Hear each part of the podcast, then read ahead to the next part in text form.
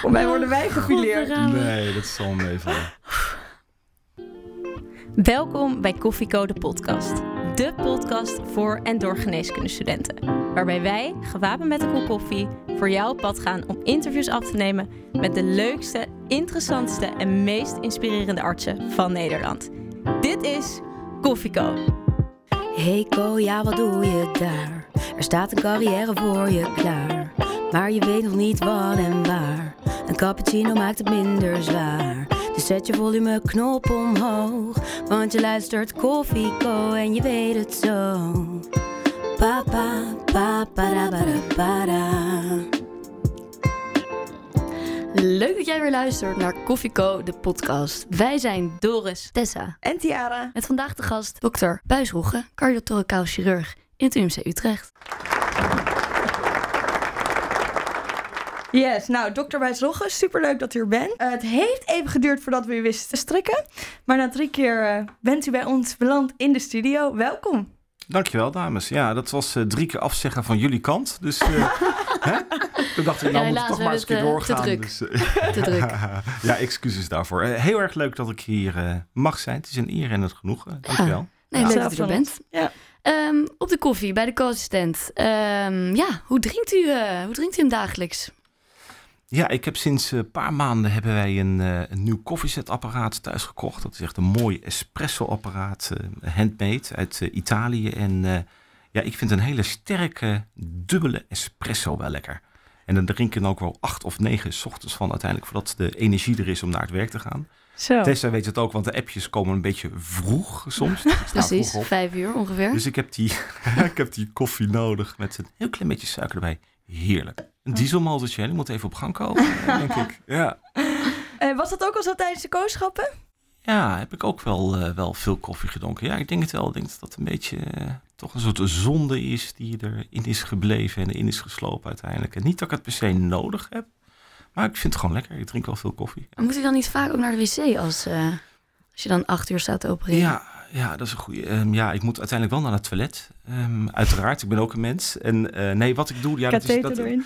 Eh, dit zijn wel mooie vragen. Dit, want ik word meteen, eh, dat zei ik net bij het voorgesprek ook al, meteen op de fileerbank gelegd. Maar dan ga je, ja, ik denk wel vijf of zes keer bijna voor een operatie ga ik naar het toilet toe. Want dan moet ik toch even uitplassen. Zeker weten dat de blaas leeg is. Serieus. Een aantal keren wel. En dan eh, ga je opereren. En dan met toch die cola en die koffie in de blaas hou ik het, hou ik het toch uit. Maar je moet wel, het is een bepaald procedé van tevoren om goed uit te plassen. Ja, dat klopt. Nou, Ja. dank voor die tip al. Ja. Die hebben we al, kunnen we al in ons zak steken. Ja, ja. Ehm, Graag gedaan. Eventjes terug naar, eh, naar die eh kooschappen. Hoe was u als co-assistent? Tja, dat is een. Dat is een tijd geleden, jongens, van de workout. Oh god, dan kijk ik de vraag hoe het verleden was. Ehm, ik was altijd wel serieus. Ehm, ik heb met mijn studie heb ik ook altijd wel serieus doorlopen en ook redelijk goede resultaten gehad, moet je zeggen. Dus ik, ik, ik begon wel mijn kooschappen echt iets van. Eigenlijk wist ik toen al wat ik wilde worden. Ehm, ik wist zeker dat ik al chirurg wilde worden op dat moment. En ik begon er heel open-minded in en wilde heel veel dingen leren. En eh, was communicatief en sociaal ingesteld. Nou, dan merk je wel dat bepaalde vakken soms daar meer aan beantwoorden. Zoals aan, de eh, chirurgie. Zoals de chirurgie. En, eh, en andere vakken minder. En daar word je dan wel in bevestigd. En dat, ja, daar ging ik dan, sommige vakken ging ik dan fanatieker in dan andere. Op andere momenten had ik zoiets van, nou, dit wil ik toch niet worden. Dan liep ik maar dat koolschap een beetje uit. Wilde wel altijd dingen leren, maar dan was ik niet te fanatiek. Hm. En de chirurgische vakken vond ik meteen hartstikke leuk. Dus daar ben ik heel fanatiek in gegaan. Ja, En is een beetje nerdig eigenlijk, hè jongens? Daar komt het op neer. Is daar ook de liefde voor de cardiothoracale chirurgie? Ja, die is al eh, eerder begonnen. Ja. ja, dat weet ik nog heel goed. Het was een, eh, mijn beste vriend op de, op de middelbare school, die, eh, wat nog steeds mijn beste vriend is. En die zie ik nog heel regelmatig. Uiteraard, dan zal het je beste vriend niet zijn. Ik denk in de tweede klas was dat zoiets. En zijn vader was achteraf gezien, kan je nagaan, die was een jaar of 42. En eh, werd aan zijn hart geopereerd. En toen zag ik wel hoe ziek die man was, hoeveel pijn die had en hoeveel verdriet dat eigenlijk de familie gaf. En ehm, dat hij geopereerd was, ook hier in Utrecht. En dat ik meteen zag, jeetje, wat is die man opgeknapt. En wat, zei die, die, hem, wat is mijn vriendje weer blij dat hij zijn vader weer terug heeft. En op zo'n jonge leeftijd. En toen dacht ik toch, wat is dat voor magisch vak. Dat je dat met zo'n handeling door het mes erin kan zetten. Krom gezegd kan doen. En toen is eigenlijk mijn interesse wel begonnen, ja. ja. Toen zei hij, ik wil hartchirurg worden naar zijn vader. En toen Is hij dat ook geworden? Nee, Oh. nee. nee, is uiteindelijk de consultancy ingegaan. En, eh, en eh, toen zei ik ook van, ik wil hartchirurg worden. En eh, nou, uiteindelijk ben je het dan wel geworden. Ja, dat is de, het eerste begin geweest. Ik weet het nog heel goed. Ja. En hoe, is dat, hoe heeft die interesse zich dan uiteindelijk verder ontwikkeld? Ja, dat is, dat is ehm, ja, verder ontwikkeld wil zeggen dat je op een bepaald moment, dat, dat is altijd wel mijn persoonlijkheid geweest. Als ik iets wil of een bepaalde keuze maak, dan blijf ik daar ook achter staan.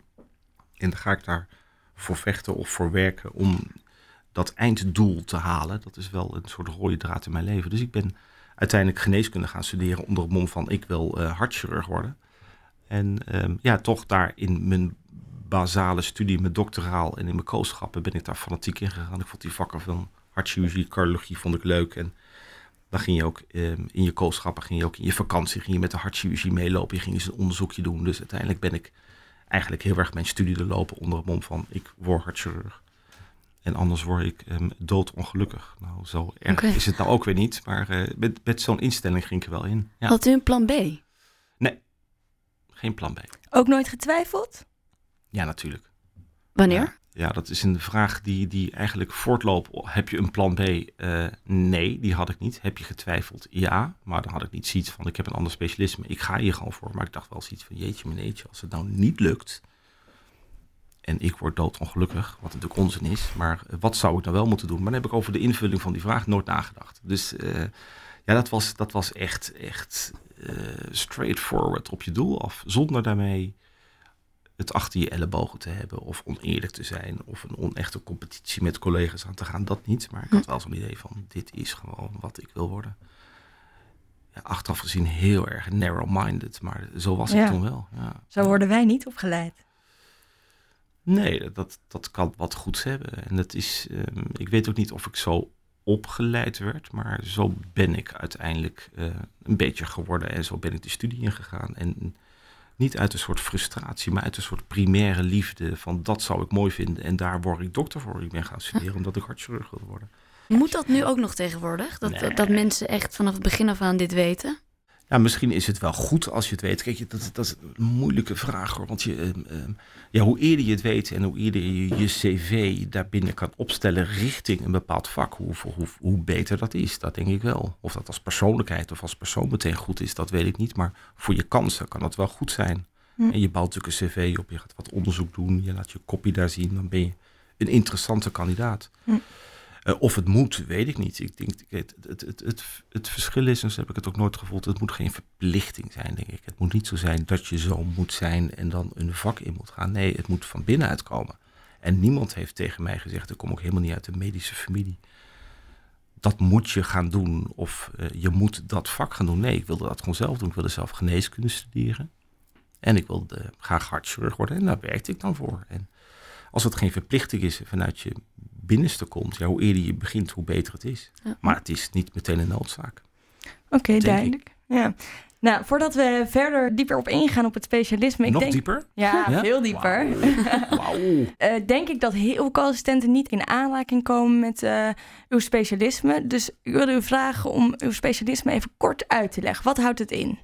Eh, mag, mag ik je ook vragen om je te zeggen? Of- Ja, ja nou, dat mag wel. Ja, ja. Als het ons lukt. Ja. ja, gaan we best doen. Ja, wat, ja, wat mijn specialisme is. Ja, maar, nou ja, goed, ik ben dus officieel heet het de benaming cardiotoracaal chirurg. En eigenlijk is dat een duur woord voor een chirurg, een snijder, die opgeleid is om in de borstholte te snijden. Dus alles wat er in de borstholte zit en wat reparatie behoeft of verandering behoeft, zijn op het hart, in het hart, zijn de longen, het mediastinum, wat tussen de longen en het hart in ligt. En de grote vaten, dus zijn de slagaders en aders, aders, om dat in de borstholte te repareren. En vaak, ja, ik noem het maar een beetje de borstholte, de motorkap van het lichaam. Daar ligt natuurlijk het hart in, dat is de motor van het lichaam. Dus dat is wel een specifiek chirurgische vaardigheid. En, en er kan veel misgaan. Het is een essentieel onderdeel. Maar alles wat er in die borstholte zit, dat, Dat- moet je als cardiotoraal chirurg kunnen repareren of kunnen verbeteren als dat eh, ziek zijn met zich meebrengt. Of, of de dood, dat kan ook. Ja. En ook de slokdarm bijvoorbeeld, die ligt er ook in de mediastine. Ja, heel goed. Een lekkere kritische vraag. Nou, heerlijk.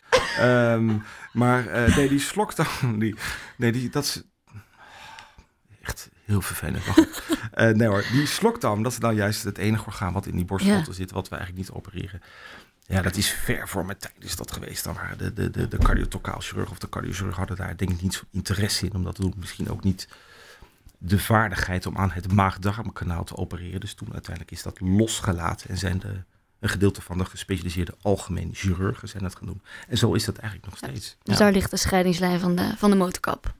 Daar ligt eigenlijk figuurlijk en letterlijk de scheidingslijf. Alhoewel er achter de slokdarm wel weer structuren zitten waar ik weer aan opereer en de slokdarmchirurg weer niet. Maar Dank voor deze uitleg. Ehm, dan is het ook nog altijd eh, een onderdeel van de podcast, eh, namelijk de specialistenpitch. En eh, oh nee, dan gaan we je hè? Daar heb ik vragen wel om... heel veel over gehoord. Oh ja. gaan we je vragen om, om jouw specialisme te pitchen. Waarom de co-assistenten van nu, of de dokters van de toekomst, Oeh, voor de cardiothoracale chirurgie moeten kiezen. dat is moeilijk. De specialistenpitch. 30 seconden waarin jij de geneeskundestudenten ervan overtuigt om voor jouw specialisme te kiezen.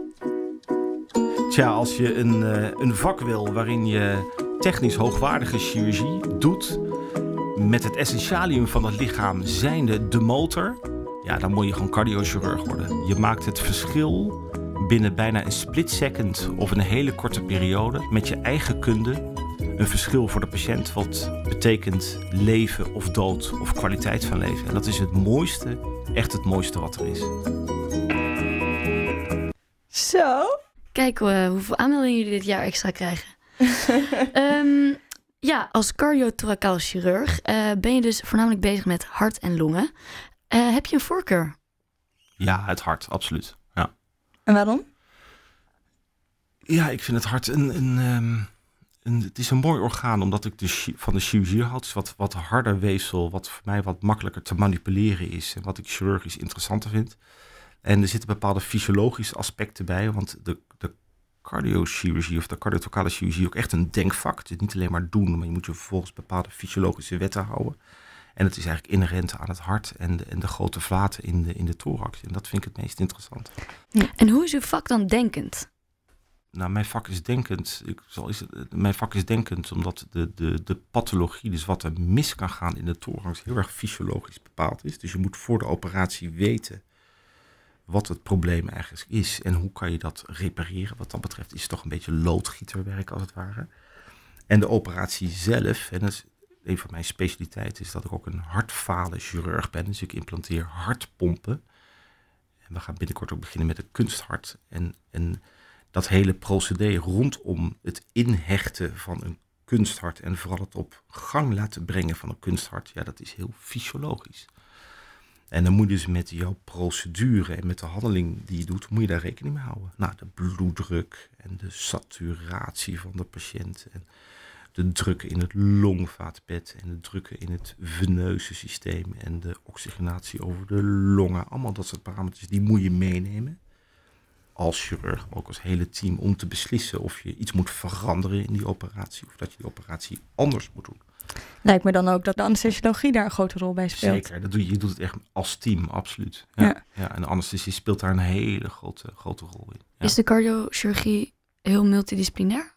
Ja, het voortraject en het natraject is zeker multidisciplinair, omdat hè, je kan je voorstellen het falen van het hart of het niet goed gaan van een operatie aan ja, de motor van het lichaam. Hè, dus onder die motorkap, dat dat consequenties heeft voor heel veel orgaansystemen. Dus die kunnen door die operatie of het niet goed gaan van die operatie beïnvloed worden. En dan kom je dus uitermaat, eh, uit- eh, uiteraard terecht in een multidisciplinair speelveld. Ja, Heel spannend vak ook. dank je. Dat is eigenlijk een vraagteken erachter. Nee, dat is geen vraagteken. Ja, ja dat is een zeker spannend vak. Ehm, en dat is ook wel een nadeel misschien van het vak. Echt, ik vind het echt het mooiste vak wat er is. En, met heel veel plezier doe ik het. En ik ben heel blij dat ik het geworden ben. En dus vroeg begonnen, weet je niet precies wat het vak inhoudt. Nou, het heeft mij precies gebracht wat ik wilde dat het zou brengen. Je maakt echt het verschil in een korte tijd door je handeling het verschil tussen soms leven en dood voor de patiënt, of in ieder geval langdurige kwaliteit van leven. Ja, dat vind ik een gouden goed als je dat iemand mag bieden. En van Dat is het mooiste wat er is. Ja. Ja. Maar het brengt ook druk met zich mee. Dan moet het wel lukken. En als het niet goed gaat, dan gaat het niet goed. En dan, ja, dan ga je wel eens even naar jezelf kijken, wat had ik beter kunnen doen? En Wat doet dat dan leven. met u? Ja, dat is verschrikkelijk. Dat is traumatisch, denk ik bijna. Niet altijd natuurlijk, maar... eh, ja, als een patiënt, wat het, het, het ergste zou kunnen zijn, nu zijn we even negatief de insteek, maar als een patiënt echt overlijdt op de operatiekamer, hè, de- onder jouw controle, onder jouw verantwoordelijkheid, gebeurt gelukkig heel weinig. Ja, dan ben je kapot. Dan ben je triest. Dan ga je ook aan jezelf denken, wat had ik... Dat doe je als cardiochirurg ook. Zelfreflectie. Wat doe ik goed? Wat kan ik nog beter doen tijdens de operatie, maar ook daarna? Dat is je verantwoordelijkheid die je moet doen, omdat je je chirurgie vraagt hele precieze, met een hele kleine goed-fout marge. Dan moet je continu bezig zijn, is het goed genoeg? Of moet het nog beter? Ja, dat is, dat is natuurlijk lastig. Daar ga je professioneel mee om. Maar er zijn emoties met familieleden en hè, iemand die dan in dit geval bijvoorbeeld op de operatiekamer dan overleden is. Nogmaals, het komt heel zelden voor. Ja, je bent mens, dat is natuurlijk verschrikkelijk. Heeft u daar wel eens hulp voor gezocht? Jazeker, jazeker. Nog steeds? Nu niet meer, maar daar heb ik, heb ik vroeger wel hulp bij gezocht. Ja. Ja, ben ik, daar durf ik me heel kwetsbaar in op te stellen, voor zover dat kwetsbaar is. Dat ik eh, daar ook wel eens na zo'n geval met iemand over ben gaan praten, inderdaad. En niet dat het nou per se noodzakelijk was voor mezelf, maar het werd wel aangeraden. Van doe dat nou gewoon. En dan ben ik daar een keer een aantal uur met iemand over gaan praten. En dat is, dat is heel heilzaam. Gewoon een collega, een Ja. hoogopgeleide collega die met je Hm? dat doorspreekt, die je vaak zelf ook zoiets heeft meegemaakt. Ja, dat is heel, eh, heel goed. Ik vraag het voorzichtig, maar wil je ons meenemen in, in een patiëntverhaal bij wie dit is gebeurd? Of iets wat jou is bijgebleven? Ja, natuurlijk kan ik dat. Nou ja, ik kan me een geval herinneren van een aantal jaren geleden. Dat was, ehm, denk ik, vier jaar geleden of drie jaar geleden. Kan je nagaan. Eerste kerstdag. En ehm, toen heb ik een, een harttransplantatie gedaan bij een patiënt. Die, ja, 58, 59 was geloof ik. En die had een hartpomp. En die was drie keer daarvoor al geopereerd. Dus ik moest vierde keer de operatie doen. En als je zo'n operatie doet, dan is dat verkleefd. Dan is dat technisch lastig. En ehm, nou, om een lang verhaal kort te maken, is die patiënt uiteindelijk tijdens die operatie, na volgens mij bijna 20 uur opereren, opereren is die patiënt overleden. Onder mijn handen. En ik heb daar een collega bij geroepen. Het weefsel scheurde uit. Het was allemaal heel zwak. De patiënt gebruikte ook medicijnen die het weefsel zwak maakten. En ehm, ja, en dan, dan staat je het huilen bijna wel nader dan het lachen uiteraard. Want dan ben je moe. En dan voel je ook bijna een soort persoonlijk falen van waarom is het me nou niet gelukt? En dan had ik het nou weer net anders moeten doen. En je herinnert die man als je hem in slaap maakt en die heeft vertrouwen in je. En ja, en dan ga je naar die familie toe en die zijn natuurlijk verdrietig. Ja, daar ben ik wel even twee dagen even, even toen moest ik ook even twee dagen even, even thuis blijven en eens even rustig nadenken. En toen ben ik ook met, wat Ja. je net zei, inderdaad met uh, Doors, met die collega gaan, uh, gaan praten. Um, en dat heeft me heel veel goed gedaan. En daarna begin je weer en dan ga je er weer tegenaan. Maar het heeft wel een moment van zelfreflectie met zich meegebracht. En ik denk dat dat goed is. Ik denk dat, dat, dat iedere arts, professional dat zal dienen als dat zo'n patiënt dan overlijdt ten gevolge van je behandeling. En in ons vak is dat natuurlijk heel direct als dat gebeurt op de operatiekamer, waar jij je handelingen doet. En dan voel je daar zelf natuurlijk een dysfunctioneren in van hey, had ik dat niet beter moeten doen? Had ik die patiënt niet kunnen redden? Dat, dat is een soort zelfverwijt, maar dat is niet terecht. In dit geval was het ook niet terecht.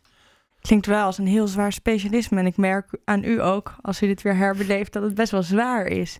Ja, ja, ja, ja. Maar nee, dat is zeker waar. Dat grijpt je wel aan uiteindelijk. Dat, en dat is een zwaar onderdeel van het vak. Maar, maar er zijn natuurlijk van verschrikkelijk andere mooie kanten aan het vak. Ja, ja en het, het, het, het is relatief misschien wat zwaarder daarin. Hè. Fysiek en emotioneel kan het zwaar zijn. Maar het gaat natuurlijk in 99,9 van de gevallen gaat het goed. Ja. En in het ene geval niet. En dat goede maakt zoveel meer goed. Want er zijn natuurlijk zoveel mooie verhalen wat dat betreft. Ja, dat is geweldig. Dan hopen we dat u straks daar ook nog eentje van uh, wil delen. maar eerst had ik nog, heb ik nog een vraag over. Nou, het is een, een, je hebt veel verantwoordelijkheid in dit vak. Uit welk hout moet je gesneden zijn om een goede cardiotoracaal chirurg te zijn? Kunt u dus drie eigenschappen noemen? Drie, dat is al wel veel, zeg maar. Er komt niet verder dan twee. Nou, die moet um, handvaardig zijn. Dus je moet hè, kleine bewegingen kunnen maken die relatief foutloos zijn, die je moet kunnen coördineren. Dat heet met een duur woord oog-handcoördinatie. Je moet een beetje kunnen pielen Mhm. hè, op de millimeter. Dat is natuurlijk iets wat je moet doen. En je moet eigenlijk inderdaad, nou, het andere punt is zelf reflectief zijn tijdens de operatie. Om jezelf steeds de vraag te stellen inderdaad van, doe ik het goed? Want de goed-foutmarge is klein. Hè, dus als je iets verkeerds doet, dan betekent het dan dat het hart gaat falen, of het hart kapot gaat, of de longen kapot gaan. Wat ehm, kan leiden tot de dood van de patiënt. Dus je moet continu die zelfreflectie moet je tijdens de operatie met je meenemen. En je moet eh, stressbestendig zijn. Dat zijn wel drie belangrijke eigenschappen. Ja, Kun je die praktische vaardigheden eigenlijk oefenen als co-assistent? ja zeker. Ja, dat kan. Deed ja. jij dat ook al? ja, dat deed ik ook al. Ja? En hoe dan? Ja, heel erg. Hè? Heel fanatiek. Hè? Zo heel fanatiek. Ja, valt mee. Maar je, je, Nou, als je Ja, te mag ik dat wel zeggen? Ja, nou, eh, je- je- een naadvoerder kreeg je dan van het ziekenhuis. En dat Ja. nam je niet mee, dat krijg je. En een draadje krijg je dan ook Die met een naald ook. van het ziekenhuis. en dan kreeg je toevallig dat... eh, ja, van, van mijn vrouw dan, eh, dan gingen we kip eten. Dan zag je een kipfilet liggen. Die haalde je dan eh, uit, uit de koelkast. En dan ging, je daarop, dan ging je daarop hechten. Ja, het is eigenlijk heel erg. Maar dan ging je gewoon Oefenen. hechten en oefenen met hoe hou je nou die naald in je naaldvoerder en hoe draai je het om en hoe maak je mooie steekjes. En ja, het is wat dat betreft heel klein, maar dat deed ik inderdaad Ja. natuurlijk wel. Dat hoeft niet per se. Ieder, iedereen, iedereen, je moet wel een bepaald soort bazaal gevoel hebben voor met je handen, maar je kan iedere aap kan je leren opereren, absoluut. Dus dan heb je één eigenschap al binnen die leerbaar is. Eh, ja, En, maar, en over co-assistenten gesproken, want wij lopen niet eh, in het basispakket bij jullie een co-schap. Kan dat wel? Kunnen we wel meekijken? Ja, je kan altijd meekijken, uiteraard. En er zijn ook veel doctoraalstudenten die zich aanmelden en die mee willen kijken. Dat kan. En, eh, en je kan natuurlijk ook als je eh, je kooschappen of je ASAS of je wetenschappelijk onderzoek binnen je basisstudie kan je bij ons lopen als je wil. Maar je wordt er iets minder mee geconfronteerd. Dat klopt inderdaad in het, in het curriculum. Maar je kan altijd ervoor kiezen om, om mee te kijken en mee te doen en een stage te lopen. Dat kan. Ja. Maar hoe Ja. ziet de opleiding er eigenlijk uit? Ja, de opleiding is, ehm, dat is nu net veranderd dit jaar. De opleiding is, ehm, is vijf jaar. Waarbij je vijf jaar ehm, een hartchirurgische opleiding hebt bij ons in de kliniek. En dan leer je met bepaalde stages bij de longziekte en de cardiologie en intensive care leer je opereren. Daar komt het eigenlijk op neer. En dan als een soort meester-gezelverhouding leer je in het begin de huid openen en het borstbeen openzagen en het borstbeen sluiten en de huid sluiten. En zo word je heel langzaamaan in die situaties op de operatiekamer wordt je geleerd om een hele operatie te doen. En dan begin je ongeveer in je tweede, derde jaar mee. Zoiets met de wat makkelijkere operaties. En in je zesde jaar of in je vijfde jaar eigenlijk nu, sorry ik noem zesde jaar, maar het is net dit jaar veranderd. Het was Van eerst zes vijf. Ah. Ja, met algemene heelkunde erbij ook. Ja. Is het dat goed is dat nu, ze dat eh, hebben veranderd, denk je? Dus ik denk wel dat het goed is. Het is korter en efficiënter. Ja. En die opleiding, heb- krijgen jullie veel aanmeldingen? Ehm, ja, maar nou, laat ik zo zeggen. de- we hebben één keer per eh twee, tweeënhalf jaar hebben we een opleidingsplek in Utrecht. En daar, het is niet zo dat er mensen op solliciteren. Hè, met vijf onbekenden en één wordt het. Het zijn mensen die bij ons eigenlijk al in het circuit zitten. Of onderzoek doen. Of artsassistent bij ons zijn. En ehm, ja, vaak zijn dat drie, vier kandidaten die dan daadwerkelijk voor zo'n opleidingsplek in aanmerking komen. En dan kiezen wij als opleidersgroep daar de beste uit die wij, die wij vinden. Daar Hm. komt het op neer. En die selectie, hoe kiezen jullie dan?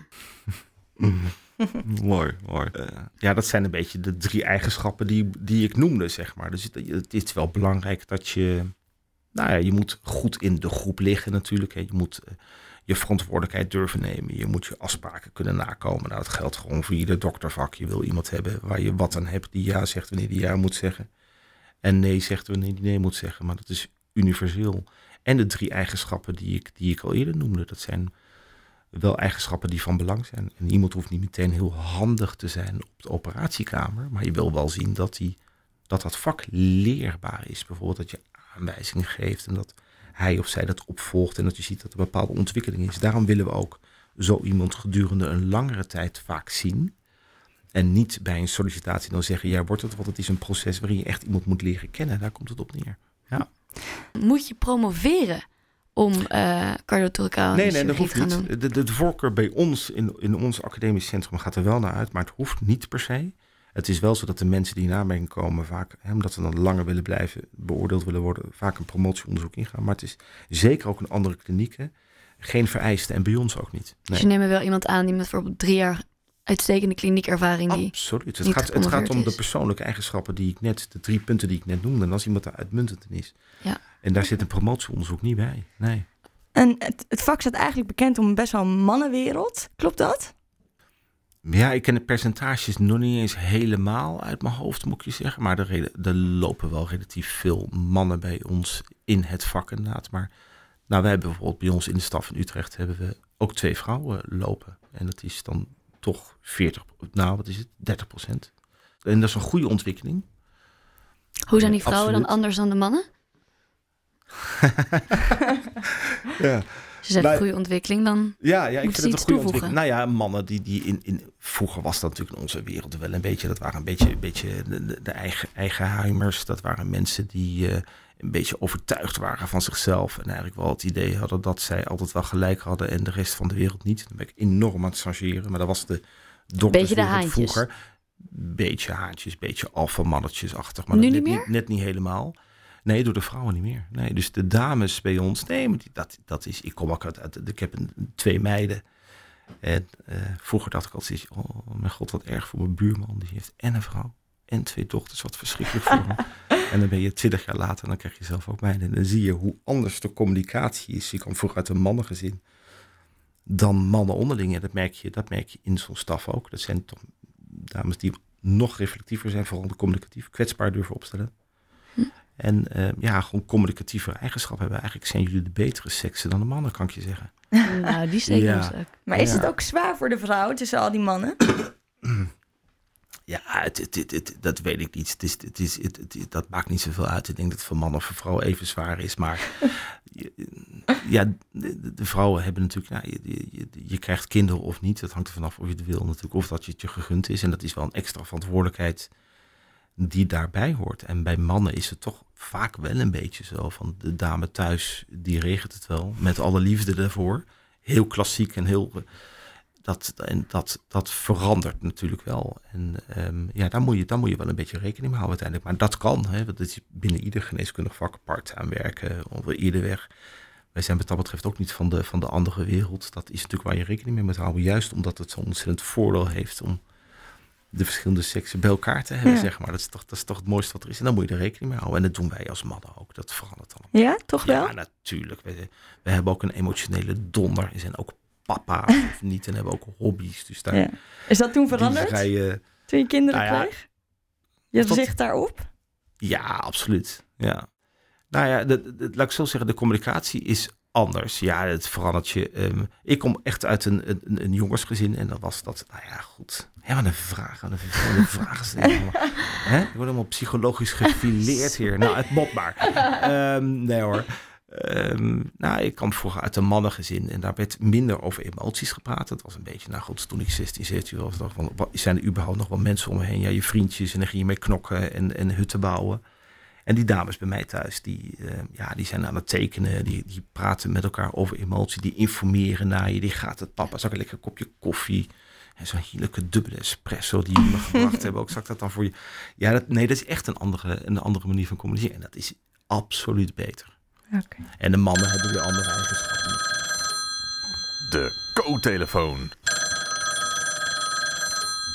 Ja, de co-telefoon die gaat altijd op een onverwachts moment. ehm, en die luidt deze week als volgt. Eh, ingestuurd door een luisteraar trouwens.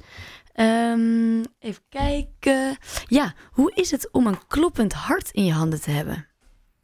Ja, dat is heel vreemd. En dat is. ehm, ja, dat, dat, ja, een leuke vraag. Ja, dat is eh, heel weird. Ehm, sowieso vind ik het idee al als je een, een, een borstkas opensnijdt en het borstbeen opensnijdt en je, en je opent dat en dan komt het hart tevoorschijn met een hartzakje. Dat klopt daar. Dat is dan de motor van het lichaam waar misschien de ziel wel zetelt, maar het is een belangrijk orgaan. Uh, maar überhaupt al, als je dat zie je altijd het hart, als je het borstbeen opent, altijd hard een beetje met zijn ogen knipperen. Want je me heel, heel verbaasd aan. Ja, Ja, ik ben benieuwd ben wat u ook- gaat dat zeggen. hart heeft nooit licht gezien. En opeens komt daar zo'n OK-lamp. En die komt daar, schijnt daar op het hart. En, en mijn kop, ook met een hoofdlamp erop. En ook met van die toeters, dat je een beetje dan heel gedetailleerd kan kijken.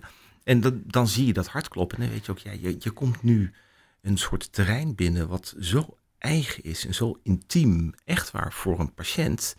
Ja, dat is natuurlijk geweldig. En dan realiseer je ook van, ja, je hebt het hart in handen. En dan ga je natuurlijk snel professioneel kijken, wat moet er verbeterd worden, wat nog meer. Maar het is heel weird om dat te voelen. En dan maak je patiënt weer dicht en dan zeg je daarna wat er met de operatie is gebeurd. Dan heb je wel zoiets van, ja, ik heb gewoon dat hart van zo iemand is op met mijn handen gehad. En dat is, Ja. dat is een eer.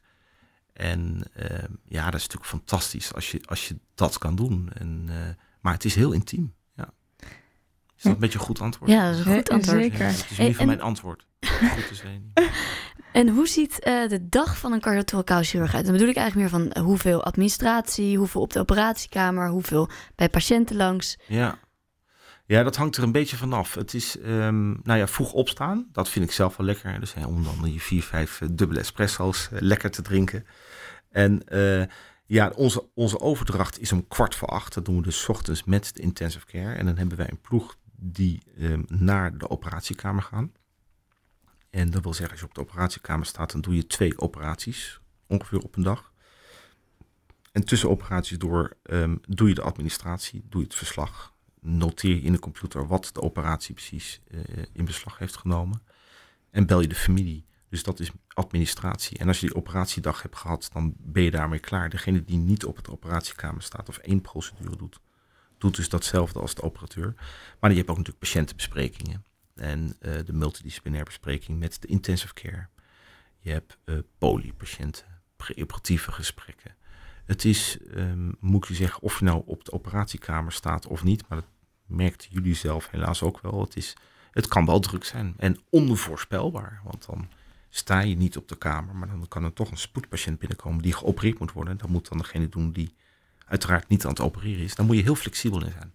Dus je moet soms snel kunnen schakelen. En dat is ook een beetje een mentale kwestie, maar eh, dat moet je wel doen. Die administratie neemt wel steeds meer toe. Ja, Vervelend? absoluut. Ja, natuurlijk. Ja. En heeft u ook veel diensten eigenlijk? Ja, we hebben best wel wat diensten. Ja, omdat wij. eh, ik heb het geluk en het ongeluk dat ik natuurlijk in het UMC werk. Nou, de mooiste tent die er is in Nederland. Maar wat het nadeel is, wat wij daar doen, is dat we ook transplantaties doen. Dus wij doen hart- en longtransplantaties. En dat betekent dat je transplantatiediensten hebt. Dus je hebt eengene die het hart of de longen inzet. En je hebt een, een, een donordienst van een chirurg die het hart of de longen gaat halen. En dan heb je nog een gewone dienst voor als je een omleidingsoperatie moet doen of een andere operatie. Dus in wezen heb je drie diensten per dag te vullen. Waarbij vaak degene die implantatiedienst of donordienst ook een gewone dienst doet. Ehm, ja, gemiddeld komt het denk ik op twee, drie diensten eh, per week. Zoiets komt het uit. Zo. En de ene zijn drukker dan de andere. Het is niet zo dat je altijd wat moet doen. Maar Wat vindt u de leukere dienst? En wat vindt u de leukste operatie eigenlijk? ja, mijn liefde gaat toch naar de hartfalenchirurgie toe. Dus naar de, de, de LVADs en de hartpomp. Dat vind ik wel, eh, vind ik wel het mooiste wat er is. En de transplantaties. Dat is eh,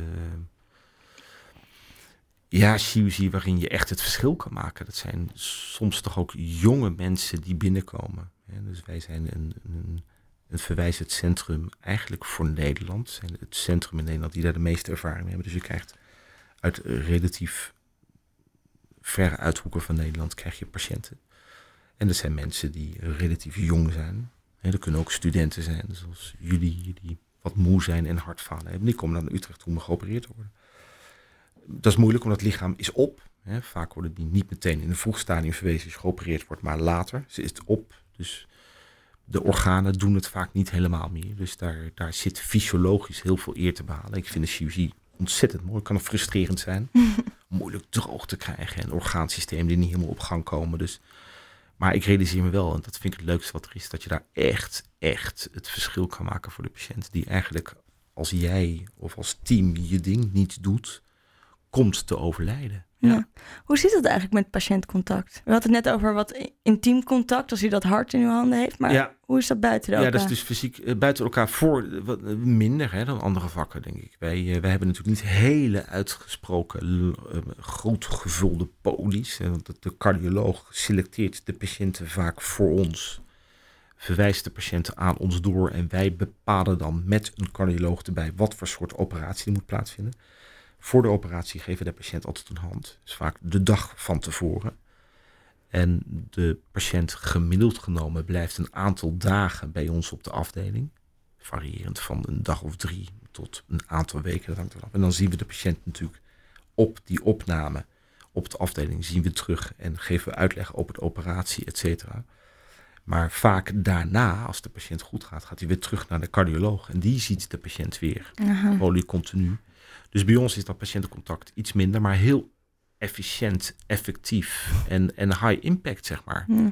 Maar mist u dat niet? Want u bent best nee, wel sociaal. Nee, ik mis dat niet. Nee, ja, maar dat wil niet zeggen dat het effectieve patiëntencontact meteen niet sociaal zou zijn. Er zit juist een patiënt spreken voor de operatie is, ehm, is, is emotioneel beladen. Mensen zijn heel zenuwachtig. Jij bent degene die de operatie gaat doen. Ze moeten jou nou, letterlijk dat hart in je handen geven. Ze moeten je vertrouwen. Daar zit enorm veel impact in. Heel veel diepgang in. Dat vind ik heel mooi. En ja, ik denk eerlijk gezegd dat je geen dokter zal zien die zeggen... ja, maar die overvolle polies van mij... en die 45 patiënten op een dag... waarbij je nog sociaal kan zijn... maar eigenlijk die ruimte en tijd ook niet hebt. Ja. Ik weet niet of iedere dokter dat leuk vindt. Bij ons is dat minder, maar heel efficiënt en, en diepgaand wat dat betreft. Ik vind dat mooi. Nee, dat past prima bij. Oké. Voordat we doorgaan naar eh, wat meer over u als persoon, kunt u ons misschien nog een keertje meenemen in een, nou ja, een patiëntverhaal wat u altijd is bijgebleven? Iets vrolijks. Eigenlijk iets vrolijks. Nee, ik wil een druilverhaal doen. Maar ook. Nee, nee. Ja, loop ik wel verhalen goed af. Hè? Ehm, nou, een patiënt die ik me kan herinneren is een aantal jaar geleden was een, een relatief jonge vrouw die eh, op een feestje een, eh, een witte wijn aan het drinken was. En pijn op de borst kreeg en die had een dissectie van de hoofdstam. Dus dat is de hoofdtoevoer naar de kransslagaderen die verscheurde. Dus het hart krijgt dan geen bloed en versterft dan. Die is naar een ander ziekenhuis toegegaan voor spoedchirurgie en heeft toen een omleidingsoperatie gekregen. En het hart kwam niet op gang. En ehm, die was ook gereanimeerd en na die operatie niet meer wakker geworden. Die is naar ons overgeplaatst. En er was heel veel twijfel over van ja, kunnen we nou een tijdelijk kunsthart geven? Want wordt zij überhaupt wel beter? Omdat we niet wisten hoe zij geestelijk was na die reanimatie. En ehm, toen dacht ik persoonlijk toch iets, nou we moeten haar voordeel van de twijfel geven. Is een jonge vrouw die niet te lang gereanimeerd is, leek op papier efficiënt te zijn. Nou, die heb ik toen geopereerd en toen een tijdelijk kunsthart gegeven met buizen in het hart om beide kanten van het hart te ondersteunen. Ehm, en daarna nog een keer geopereerd om de rechterkant van het hart, die onderste- ondersteuningsapparaten, weg te halen. Toen was nog steeds de neurologie niet bekend en uiteindelijk werd zij wakker. En toen heb ik haar een definitief hartpomp gegeven, een elfvat gegeven. Om een lang verhaal kort te maken, die vrouw heeft maanden bij ons gelegen. Ik kende haar niet van tevoren. Ik wist niet wie zij was. Ik sprak alleen haar man. En die zag ik eh, een aantal weken geleden toevallig bij ons op de afdeling weer lopen. En ze, ze herkende mij van gezicht. Ik kende haar natuurlijk ook. En toen ik haar zag, dacht ik wel van god, wat, wat, wat, wat. Ik herkende dat zij er was. Wat ben je ontzettende mooie jonge vrouw. Mooi gebronst in de bloei van je leven. En eh, ja, dat dacht ik ook. Gosje, mijne, weet je wel, vier keer geopereerd. Op een gegeven moment zei, moet je misschien niet doen. De neurologie is onbekend.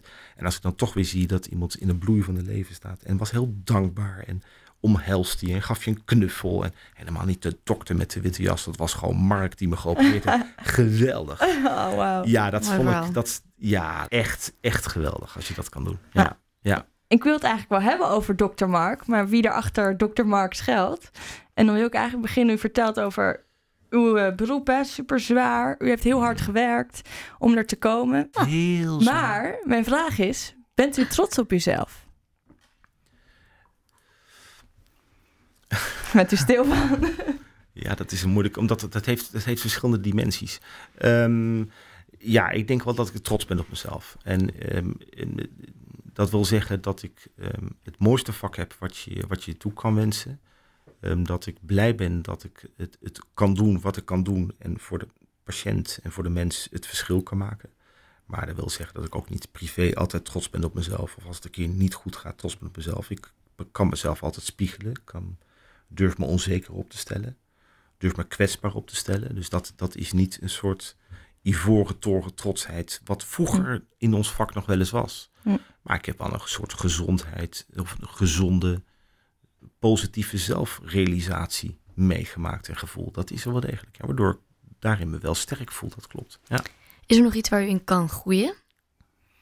Ja, ehm, ik denk dat, dat ik soms nog wel eens het gevoel heb, dat krijg je helaas met die meiden thuis ook nog wel eens teruggekomen, dat ik nog wel eens oplossingsgericht kan redeneren en kan zijn. En als ik dan thuis kom en dan zit je in je werk en dan denk je van dit moet er gebeuren, ja of nee. En ehm, soms, zeker ook bij dames, gaat het niet altijd om antwoord geven of de oplossing, maar gewoon om luisteren. Ja. En dat moet ik eh, wel even wat meer ontwikkelen. Gewoon luisteren. Die meteen een antwoord hebben, luisteren. En dan hoef je niet eens ja of nee te zeggen. Luisteren is al goed genoeg. Nou, dat, vind ik, dat moet ik nog wel heel erg leren. Oké. En dochters van u, joh, die leren u veel. Ja, dat zei ik je toch al? Ja. Dat heeft zo moeten zijn. Ja. Ja. En waar gaat buiten de cardiothoracale chirurgie uw hart naar uit? Eh, wielrennen, absoluut. Een sport, wielrennen. Ja, vind ik het mooiste wat er is. Wielrent u hier ook in de buurt? Zij. Eh, ja, ik woon in, eh, in Hilversum. Dus helaas soms is het ook een beetje... ehm, qua vrije tijd ehm, ehm, komt het er wat minder van. En ehm, en die meiden van mij met hockey. En dan wil ik lekker met hun naar hockey toe. En, eh, en een biertje daarna drinken, et cetera. Dus eh, het is niet iedere week zoals het vroeger zo fanatiek was. Maar ook het kijken en zoveel mogelijk beoefenen als ik, eh, als ik kan. Dat doe ik Dus zelfs buiten uw werk bent u nog alsnog druk bezig. Heeft u al vrije Ja, tijd? ook, ook, niet, ook niet altijd. Heb je nog vrije tijd? Nee, nooit. ja, ja, dat, natuurlijk. Je- moet zo'n druilverhaal moeten er niet van Nee, maken. nee, natuurlijk. Nee, nee, Nee. nee, nee, ja, ja, natuurlijk. En, eh, en, en als je geen dienst hebt, dan, eh, dan, eh, dan heb je de vrijheid om lekker een biertje te drinken. En je Ja. nodigt mensen uit. En, nee, natuurlijk. Het is, het, is, het, is, het is wel iets, een beetje hard werken soms, maar heel veel vrijheid ook, tijd er ook tegenover. En dat moet je ook goed invullen. Duidelijk. Nee. Oké, we gaan door naar het laatste item. Het doktersdilemma. In het doktersdilemma geven we u twee keuzes. U moet zo snel mogelijk kiezen voor één. Oeh, dat is moeilijk. En ehm, ben je er klaar voor? Ja. Oké, daar gaan we. Het doktersdilemma. Het leven bestaat soms uit lastige keuzes. Denk niet te lang na en geef snel antwoord.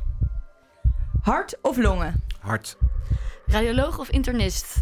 radioloog, Een nieuwe taal leren of een instrument leren bespelen? nieuwe taal, Wiskunde of scheikunde? wiskunde, Skydiven of een strandwandeling? skydiven, Praktisch of theoretisch? praktisch, Geduldig of gehaast?